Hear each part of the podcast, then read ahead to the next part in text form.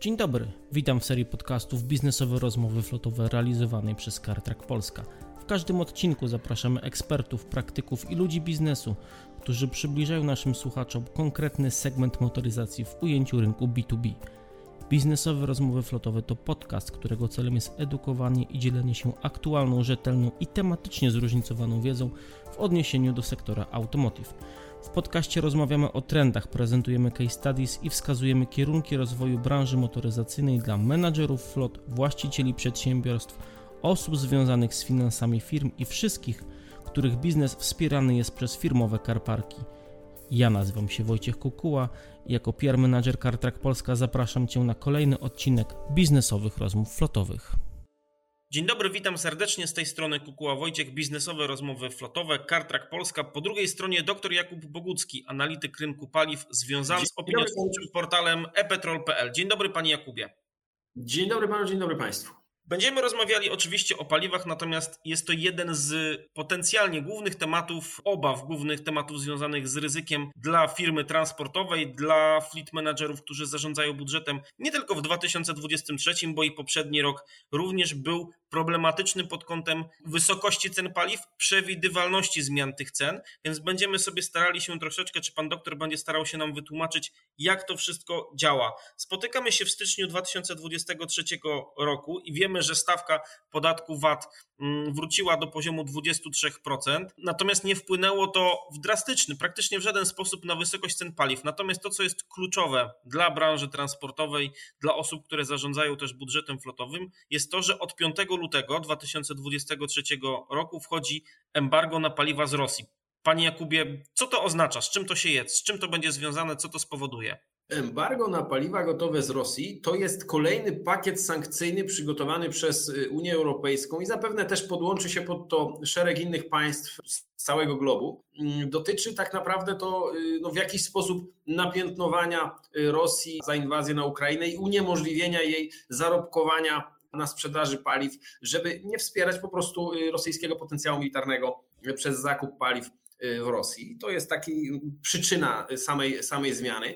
Natomiast skala zmian, o jakiej mówimy, jest chyba nie dość dobitnie jeszcze artykułowana przez, przez media, bo o ile w przypadku embarga naftowego na samą ropę drogą morską przewożoną, tą, które weszło w grudniu, y, to jest, powiedziałbym, ten łatwiejszy do obejścia element sankcji, w tym sensie, że ropę, jeżeli nie rosyjską, to można kupić w dowolnym innym miejscu na świecie, gdzie się ją wydobywa. I to nie stanowi specjalnego problemu, po prostu musi być tam możliwość przyjęcia jej na tankowiec i sprowadzenia do, do Europy. Później się ją jakoś tam y, przerobi w naszych rafineriach. Natomiast jeśli chodzi o paliwa gotowe, no to jest cały problem związany przede wszystkim y, z tym, że y, paliw gotowych nie da się tak łatwo kupić z innych kierunków niż te, które już są obecne, bo no nie buduje się zbyt wielu nowych rafinerii, te, te kierunki nowe nie powstają, czy powstają raczej w ograniczonym zakresie. Są pokontraktowane na długi okres naprzód często, a zapotrzebowanie na diesla no, cały czas jest bardzo wysokie, zwłaszcza jeśli chodzi o e, rynek europejski, to powiązanie z Rosją było bardzo mocne przez lata. Tu zaczyna się właściwie cały problem, bo jak się powie e, takimi konkretnymi względnie liczbami, że do niedawna 40% oleju napędowego w Unii Europejskiej pochodziło z Rosji, no to wyobraźmy sobie 40% ciężarówek, które nie mają na czym jeździć.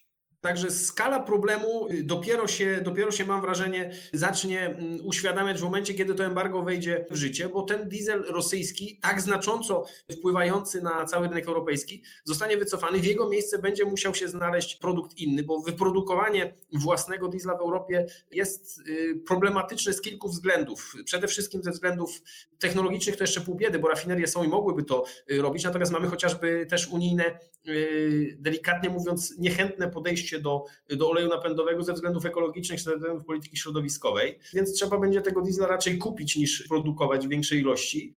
Kupić się go tak łatwo nie da, tak jak powiedzieliśmy, bo to jest produkt, który no, trudno znaleźć tak łatwo, jak w porównaniu do ropy, trudniej go zdecydowanie nabyć gdzieś indziej. Pojawiają się wprawdzie sygnały, że, że tego diesla nie zabraknie, że wiele krajów jest zainteresowanych gdzieś tam w rafinacji ropy i sprzedaży później do Europy.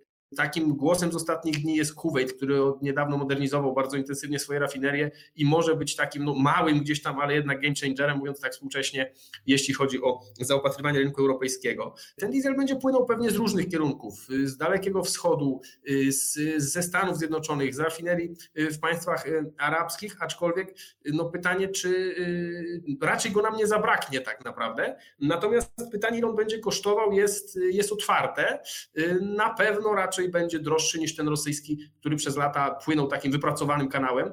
I, i to się odbije po prostu na cenach także na polskich stacjach, także dla polskich operatorów flotowych i co za tym idzie, no na cenach wszystkich artykułów konsumpcyjnych, bo wszystko trzeba ciężarówką na diesel dowieść do sklepu, trzeba zapłacić, jeśli chodzi o zastosowania przemysłowe oleju napędowego, także tutaj niestety jest to koszt dla całej gospodarki. Panie Jakubie, skoro jesteśmy już przy cenach paliw, bo bardzo duża część opinii publicznej emocjonuje się przede wszystkim i patrzy na wskaźnik, mm, ile kosztuje baryłka ropy, na przykład Brent na międzynarodowych rynkach. I na podstawie e, tego, że wskaźnika wyciągają daleko często idące wnioski związane z tym, skoro w danym dniu baryłka potaniała o dosłownie kilka procent, jest poniżej poziomu ceny sprzed rozpoczęcia rosyjskiej inwazji na Ukrainę, to dlaczego ceny na pylonach stacji paliw się nie zmieniają? Widzimy coraz niższe ceny ropy na międzynarodowych rynkach, a odbiorcy finalni na stacjach paliw tego nie odczuwają. Pan właśnie wspomina, że z uwagi na wchodzące embargo Rosji, embargo na rosyjską mm, ropę, cena diesla prawdopodobnie skoczy, ale może warto tutaj powiedzieć, z czego w ogóle składa się cena litra paliwa, jakie są inne pośrednie choćby koszty, które wpływają na to, ile finalnie płacimy na stacjach paliw, czy faktycznie dominującą częścią tejże ceny jest cena baryłki ropy na międzynarodowych rynkach, czy tutaj może jest dużo bardziej skomplikowana sprawa? Z całą pewnością sprawa jest skomplikowana dużo bardziej, a tym pierwszym takim uproszczeniem, które trzeba by było jakoś dokładniej objaśnić, jest przykładanie miary, jaką jest cena baryłki na giełdach międzynarodowych, bez względu na to na których, do ceny paliwa takiej finalnej w, w stacji w naszym jakimś bliskim sąsiedztwie, ceny detalicznej w złotówkach za litr. Ja lubię to porównanie, bo ono jest dość obrazowe. Cena żywca wołowego w skupie kontra cena burgera w naszej ulubionej restauracji niedaleko.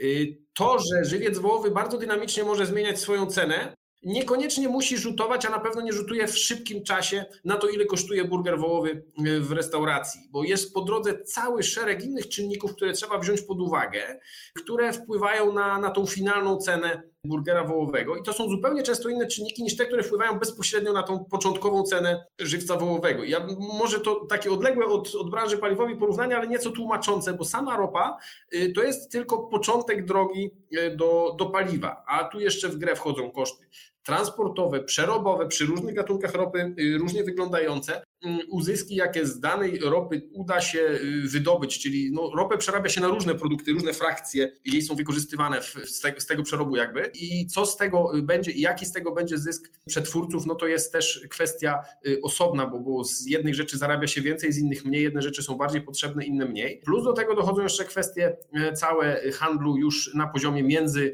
rafinerią a odbiorcą detalicznym, cały hurt paliw, dostawy do stacji, cała kwestia osobna stacji jako dystrybutorów y, paliw z ich marżami, z ich specyfiką y, zakupową i sprzedażową, później już do klienta detalicznego.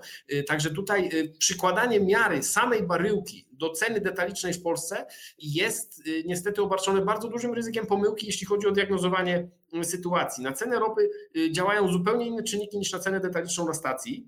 Jeśli chodzi o strukturę cen paliw, to też jest osobna historia. W tym momencie, jak sobie tak wrzucimy te, te składowe mniej więcej, cena sama fizycznie y, w litrze y, paliwa, ta y, rafineryjna, to jest w przypadku benzyny około 57% całej ceny tej litra wlewanego do baku. W przypadku diesla to jest około 63%. Y, potem mamy y, wyraźne koszty podatkowe, czyli akcyza około 21-22%, w benzynie 17 z kawałkiem, jeśli chodzi o podatek VAT. Wreszcie dalej opłata paliwowa y, to jest około 2%. E, opłata e, emisyjna, no i niemal niewidoczna tak naprawdę marża e, kilku, czasem kilkunastogroszowa, jeśli chodzi o sam ten zarobek stricte detalicznego operatora. Także tutaj mówienie o baryłce to jest tak naprawdę mówienie o tym mniej niż, czy nieco więcej niż połowę stanowiącym koszcie samego paliwa. Znaczna część to są koszty niezmienne, no, podatkowe tak naprawdę wynikające z ustaleń czy to polskich, czy unijnych, ale jednak niezależnych od, y, od cen paliwa jako cen ropy jako, jako surowca. Panie doktorze, chciałem zapytać o inną rzecz, bo wspomniał Pan na końcu swojej poprzedniej odpowiedzi o niewielkiej marży stacji paliw, a jest to również jeden z elementów, który w ostatnim czasie rozgrzewa opinię publiczną z uwagi na ogłoszone pod koniec 2022 roku zyski Orlenu i to, w jaki sposób podniesienie stawki podatku VAT nie wpłynęło na cenę paliw. Natomiast ja bym chciał zapytać o coś innego, biorąc pod mhm. uwagę właśnie tę niewielką część marżową gdzie te decyzje zapadają, jeżeli chodzi właśnie o wielkość marży, to, to jest jedno, natomiast druga strona i tak wydaje mi się, pan pewnie potwierdzi albo zaprzeczy mojej tezie, że jeżeli chodzi o notowania czy o wartość baryłki ropy na światowych giełdach, to również jest to w dużej mierze podyktowane po prostu decyzjami o wydobyciu ropy naftowej e, przez kraje mm, kartelu OPEC które dyktują, zwiększają, zmniejszają czasem mm, to wydobycie i to również kształtuje swego rodzaju ceny, a finalnie to kształtuje właśnie to, ile płacimy na stacjach paliw. Pan wspomniał właśnie o tym, że mm, no, cena, y, sama cena surowca odpowiada gdzieś tak w 55 do 60 mniej więcej procent za tą finalną cenę. Reszta to są mm, podatki, marże w niewielkim stopniu. I teraz pytanie jest bardzo proste. Na ile globalne decyzje takie globalne, na które nie mamy wpływu z poziomu polskiego, e, a na ile właśnie nasze krajowe przepisy mogą kształtować e, ceny na stacjach paliw, to ile finalnie tankujemy mm, nasze pojazdy, na ile krajowa polityka, e, nasz rząd ma na to wpływ, a na ile jest to absolutnie uniezależnione od tego, co się dzieje u nas w Polsce. Tak jak powiedzieliśmy, jeżeli y, mowa o samej cenie ropy, która stanowi tam niecałe 60% y, ceny detalicznej, no to tutaj jest to pole, w którym możemy mówić o wpływie tej globalnej y, gry popytowo-podażowej, o, o decyzjach, czy to OPEC, czy innych producentów. O tym, o tym zaraz szerzej byśmy pewnie powiedzieli. Natomiast te, te koszty podatkowe, które stanowią też kilkadziesiąt procent ceny, są w dużej mierze no, nie tylko, że w rękach polskiego państwa, bo to nawet nie do końca, ale w rękach bardziej y, unijnych, bo to w dużej mierze też Unia decyduje o tym, jak opodatkowane są paliwa w krajach członkowskich. I o tym też warto pamiętać przy tych takich pojawiających się w ostatnich latach częstokroć sugestiach, to obniżmy akcyzę, to obniżmy coś tam.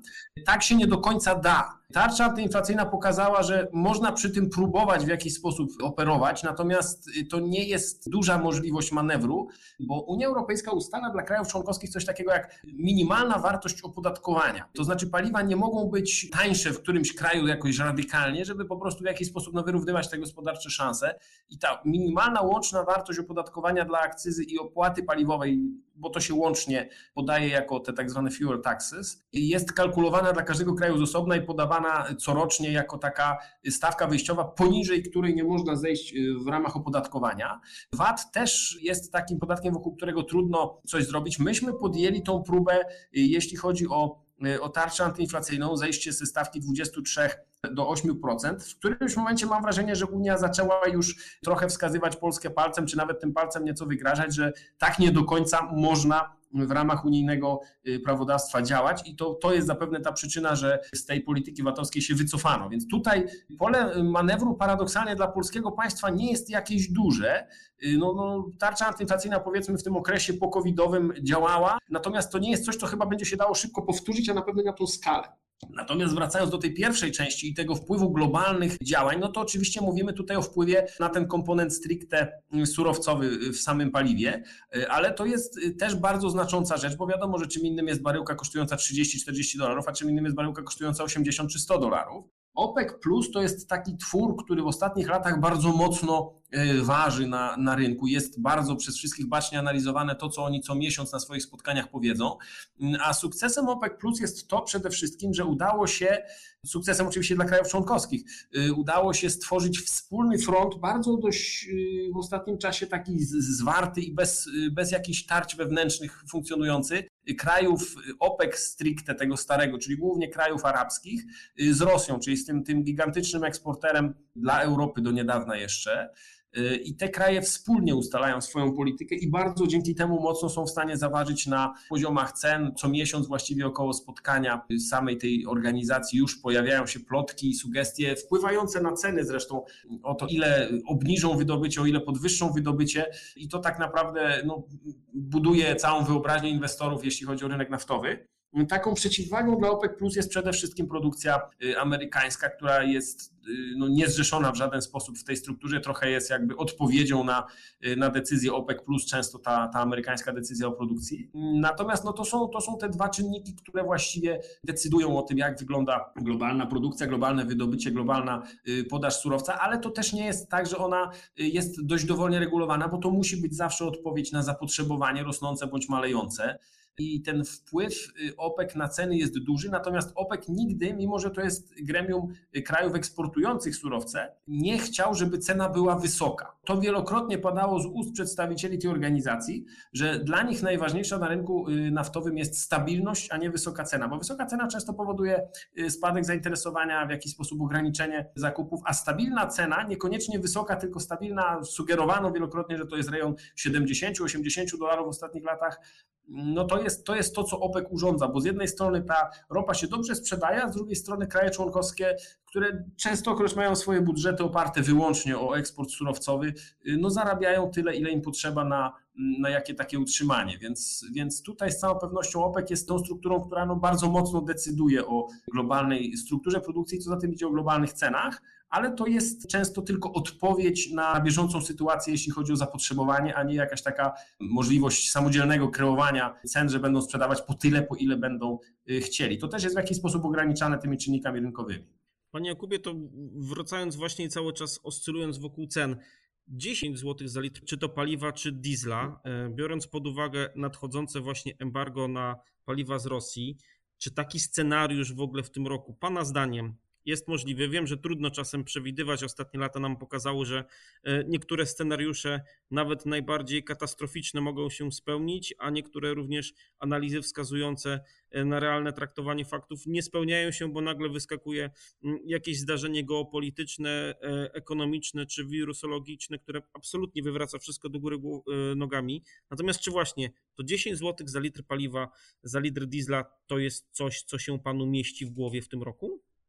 Do niedawna te 10 zł, mam wrażenie, bardziej radykalnie majaczyło na horyzoncie niż dzisiaj, bardziej, bardziej groziło. Dzisiaj patrząc na to, co się dzieje, myślę, że to jest scenariusz jednak bardzo, y, bardzo skrajny. Te zwyżki są jak najbardziej prawdopodobne, natomiast chyba nie aż do 10 zł za litr. Ja cały czas też w tym kontekście zastanawiam się i nie umiem odpowiedzieć, chyba nikt zresztą nie umie, bo takich testów nigdy nie robiono, y, gdzie jest granica tego konsumenckiego jakby przywiązania do, do paliwa. No w przypadku diesla trudno o nim do końca mówić, bo to jest nie prywatne samochody na diesla jeżdżą często, tylko właśnie czy to floty, czy ciężarówki.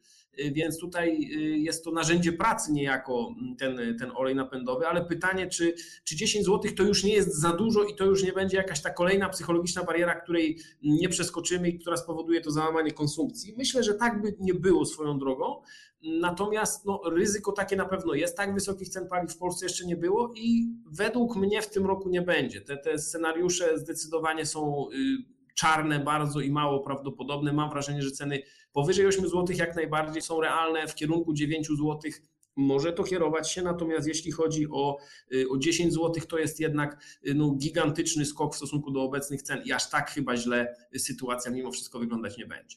Zapytam jeszcze, panie doktorze, o jedną rzecz, ponieważ bardzo wielu menadżerów flot, właścicieli firm, osób odpowiedzialnych za transport, no siłą rzeczy w jakiś sposób musi mm, kalkulować, musi przewidywać to, ile w tym roku będzie ich flota y, wydawała na paliwa. Można oczywiście dbać o mniejsze spalanie, o optymalizację tras, to jest oczywiste. Natomiast no siłą rzeczy właśnie tak jak pan wspomniał, no pojazdy do transportu tankować trzeba w jaki sposób w ogóle i czy jest na to jakakolwiek choćby zbliżona e, efektywna metoda, przewidywać cenę paliw, czy e, skąd czerpać informacje, e, w jaki sposób może konsumować fakty, skąd te fakty czerpać, żeby w jak najlepszym stopniu móc potencjalnie w odpowiedni sposób przewidywać to, ile paliwo może kosztować. Czy jest na to jakaś recepta?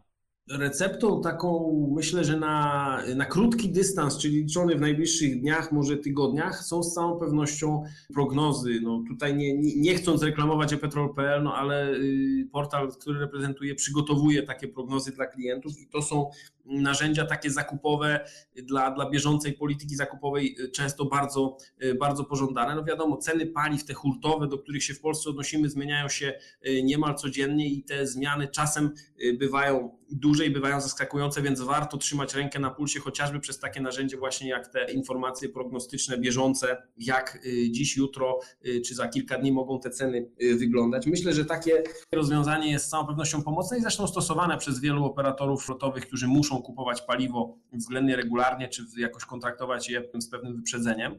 Natomiast jeśli chodzi o prognozowanie długofalowe, takie, w którym musimy patrzeć no, no, no nieco dalej, wiadomo, że ono jest obarczone większym ryzykiem jakiejś pomyłki, jakiegoś błędu, no bo, bo tak jak Pan zauważył słusznie, czynników, które wchodzą tutaj i mogą namieszać, jest ogrom wręcz.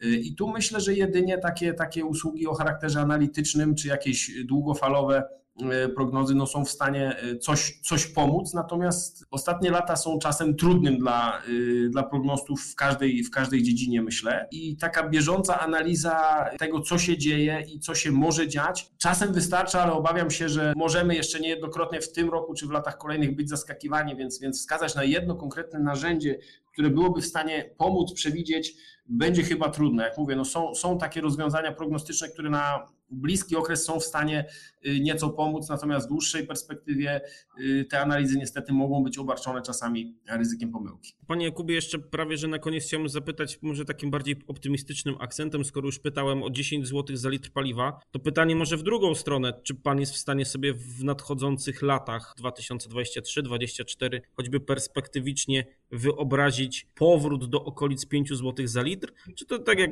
wielu ekspertów mówi, że to nie ma już najmniejszych szans, tego typu ceny już nie wrócą i musimy się przyzwyczaić do szóstki w górę, w przypadku diesla na przykład siódemki w górę? Niestety o optymistyczne zakończenie będzie tu trudno, mam wrażenie, bo te perspektywy powrotu do niskich cen są nikłe. Pamiętajmy, że te niskie ceny, z którymi tak przyjemnie się y, tankowało, w Polsce pojawiły się w okresie pandemii przede wszystkim, więc w czasie, kiedy ta konsumpcja była zmniejszona, kiedy jeździliśmy mniej, kiedy wiele osób pracowało zdalnie, nie miało takiej potrzeby wykorzystywania samochodów i to się odbijało po prostu na poziomie zapotrzebowania na paliwa. Zwykle Y, niskie ceny to takie uproszczenie pewnie, ale coś w nim jest. Niskie ceny zwykle oznaczają kryzys, bo ludzie po prostu nie mają pieniędzy na paliwo, więc często można jedno z drugim wiązać. Więc ja bym życzył sobie i wszystkim, żebyśmy jednak y, mieli trochę droższe paliwa, ale mieli pieniądze, żeby móc je do swojego baku wlać. Y, to jest chyba taki scenariusz bardziej prawdopodobny. Natomiast biorąc pod uwagę te zmiany, jakie się dokonują i w polityce, i w globalnej gospodarce, także tej naftowej jej części, Y, o niższe ceny chyba będzie trudno w najbliższym czasie. Y, natomiast y, co pewną nadzieję może dawać, to jest to, że dywersyfikujemy dość konsekwentnie, jako Polska, jako Europa, zaopatrzenie nasze w ropę i w paliwa. I jeżeli te kanały zastępcze w stosunku do ropy rosyjskiej nam się, czy do paliw rosyjskich Y, nam się ustabilizują, to będzie taka współpraca już sprawdzona, długofalowa i, konsekwentnie realizowana, to jest szansa, że i na cenach to się odbije, że te ceny będą bardziej przewidywalne, y, może nawet y, docelowo niższe, no ale tutaj niestety musielibyśmy szereg tych warunków brzegowych spełnić. Kluczowym jest oczywiście zakończenie wojny, wojny rosyjsko-ukraińskiej, czy tej napaści Rosji na Ukrainę, Y, bo, bo to jest y, ten cały czas y, taki budzący najwięcej emocji, także na rynku naftowym element w ostatnich miesiącach. Panie Jakubie, na, na sam koniec, bo Pan tak bardzo skromnie wspomniał o roli e-petrol, jeżeli chodzi o możliwość analizy rynku paliw, z której korzystają przedsiębiorcy, menadżerowie flot. Natomiast ja sam korzystam z tych analiz i przy tworzeniu treści korzystamy tylko i wyłącznie z Państwa danych. I jeżeli mógłby Pan pokrótce powiedzieć, jaka jest w ogóle historia epetrol.pl i nie tylko analitycznie, ale też e, zakładam jako rolę edukacyjną, choćby informacyjną odgrywa ePetrol e, w przypadku polskich konsumentów, no bo jest to jednak w moim odczuciu, i to jest moje jakby prywatne zdanie, natomiast dobitnie chciałem podkreślić, że w sumie jeden z nielicznych, e, jedno z nielicznych miejsc, między innymi w sieci, z którego można dosyć rzetelnie czerpać informacje na temat bieżącego stanu nie tylko polskiego rynku paliw, ale też globalnego i wyciągać jakieś bardzo e, sensowne wnioski. Ale tutaj jakby Pan mógł jeszcze podkreślić, co takiego można znaleźć i skąd się e-petrol na rynku wziął.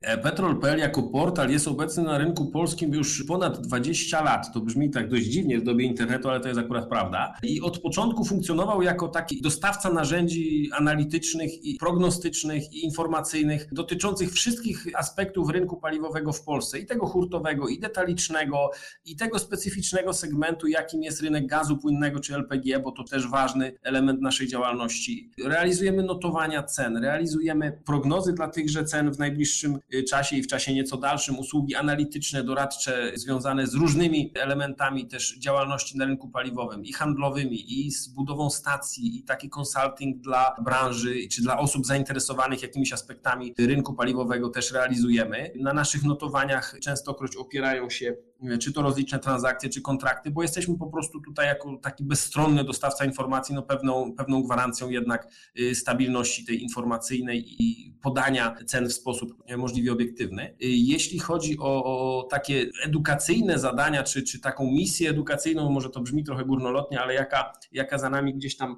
jest, no to z całą pewnością chcemy możliwie rzetelnie opisywać te tendencje polskiego rynku paliwowego bez wdawania się w jakieś polityczne konteksty, które pewnie też nie są do wyeliminowania swoją drogą na tym rynku. Natomiast chcemy pokazywać Polskę jako właśnie y, gospodarkę i ten jej element paliwowy możliwie rzetelnie, pokazywać ją na tle Europy, chociażby tutaj duża popularność naszego e, cotygodniowego zestawienia cen paliw w Europie i wykorzystywanie go skwapliwe przez wiele e, redakcji, mediów jako takiego mm, elementu informacyjnego, gdzie Polska jest na tle innych krajów europejskich z cenami. To wszystko gdzieś tam ma duże znaczenie. My jako przedstawiciele, jako jako analitycy dużo w mediach mówimy o tym, jak, jak sytuacja wygląda. Prostujemy czasem rozmaite mity, które gdzieś tam wokół tematów paliwowych narastają, a czasami nie są słuszne i mogą budzić właśnie jakieś wątpliwości. I to wszystko razem no, stanowi sedno naszej działalności jako portalu epetrol.pl. Oprócz tego jeszcze funkcjonujemy jako mm, y, szereg innych brandów około paliwowych czy około y, gospodarczych szeroko, bo i, i aplikacja Tutankuj o poziomach cen na stacjach raportująca i portal Centrum Domowego Ciepła związany z cenami właśnie paliw grzewczych czy paliwa rolnicze dedykowany typowo dla branży rolnej. To wszystko gdzieś tam w naszym spektrum zainteresowania jest, także rynek paliwowy i informacja o rynku paliwowym dla rynku paliwowego i dla innych działów y, gospodarki, które paliw potrzebują, no to wszystko gdzieś jest w naszym przedziale zainteresowań od lat już, tak jak powiedziałem, ponad 20. Panie Jakubie, bardzo serdecznie dziękuję za to kwintesencjonalne podsumowanie i jednocześnie za podzielenie się niezwykle ważnymi i istotnymi informacjami dla osób, które troszeczkę chciałyby wiedzieć y, więcej kontekstu odnośnie cen paliw, bo to nie jest tylko to, co widzimy na pylonach przy stacjach benzynowych. Także serdecznie dziękuję za poświęcony czas i za podzielenie się z nami tymi kluczowymi informacjami. Dziękuję pięknie również i do następnego razu, mam nadzieję. I to wszystko w tym odcinku. Dziękujemy za jego wysłuchanie. Zapraszamy do zapoznania się z innymi materiałami, które znajdziecie na kanale CarTrack Polska na najpopularniejszych platformach streamingowych jak Spotify, YouTube, Google Podcast czy SoundCloud. Pamiętaj, że do tego materiału dedykowana jest treść premium w postaci prezentacji podsumowującej nagranie. W opisie materiału znajdziesz instrukcję, jak ją pobrać. Zachęcam Cię również do, do odwiedzenia naszej e-biblioteki pod adresem magazyn.cartrack.pl. Do usłyszenia.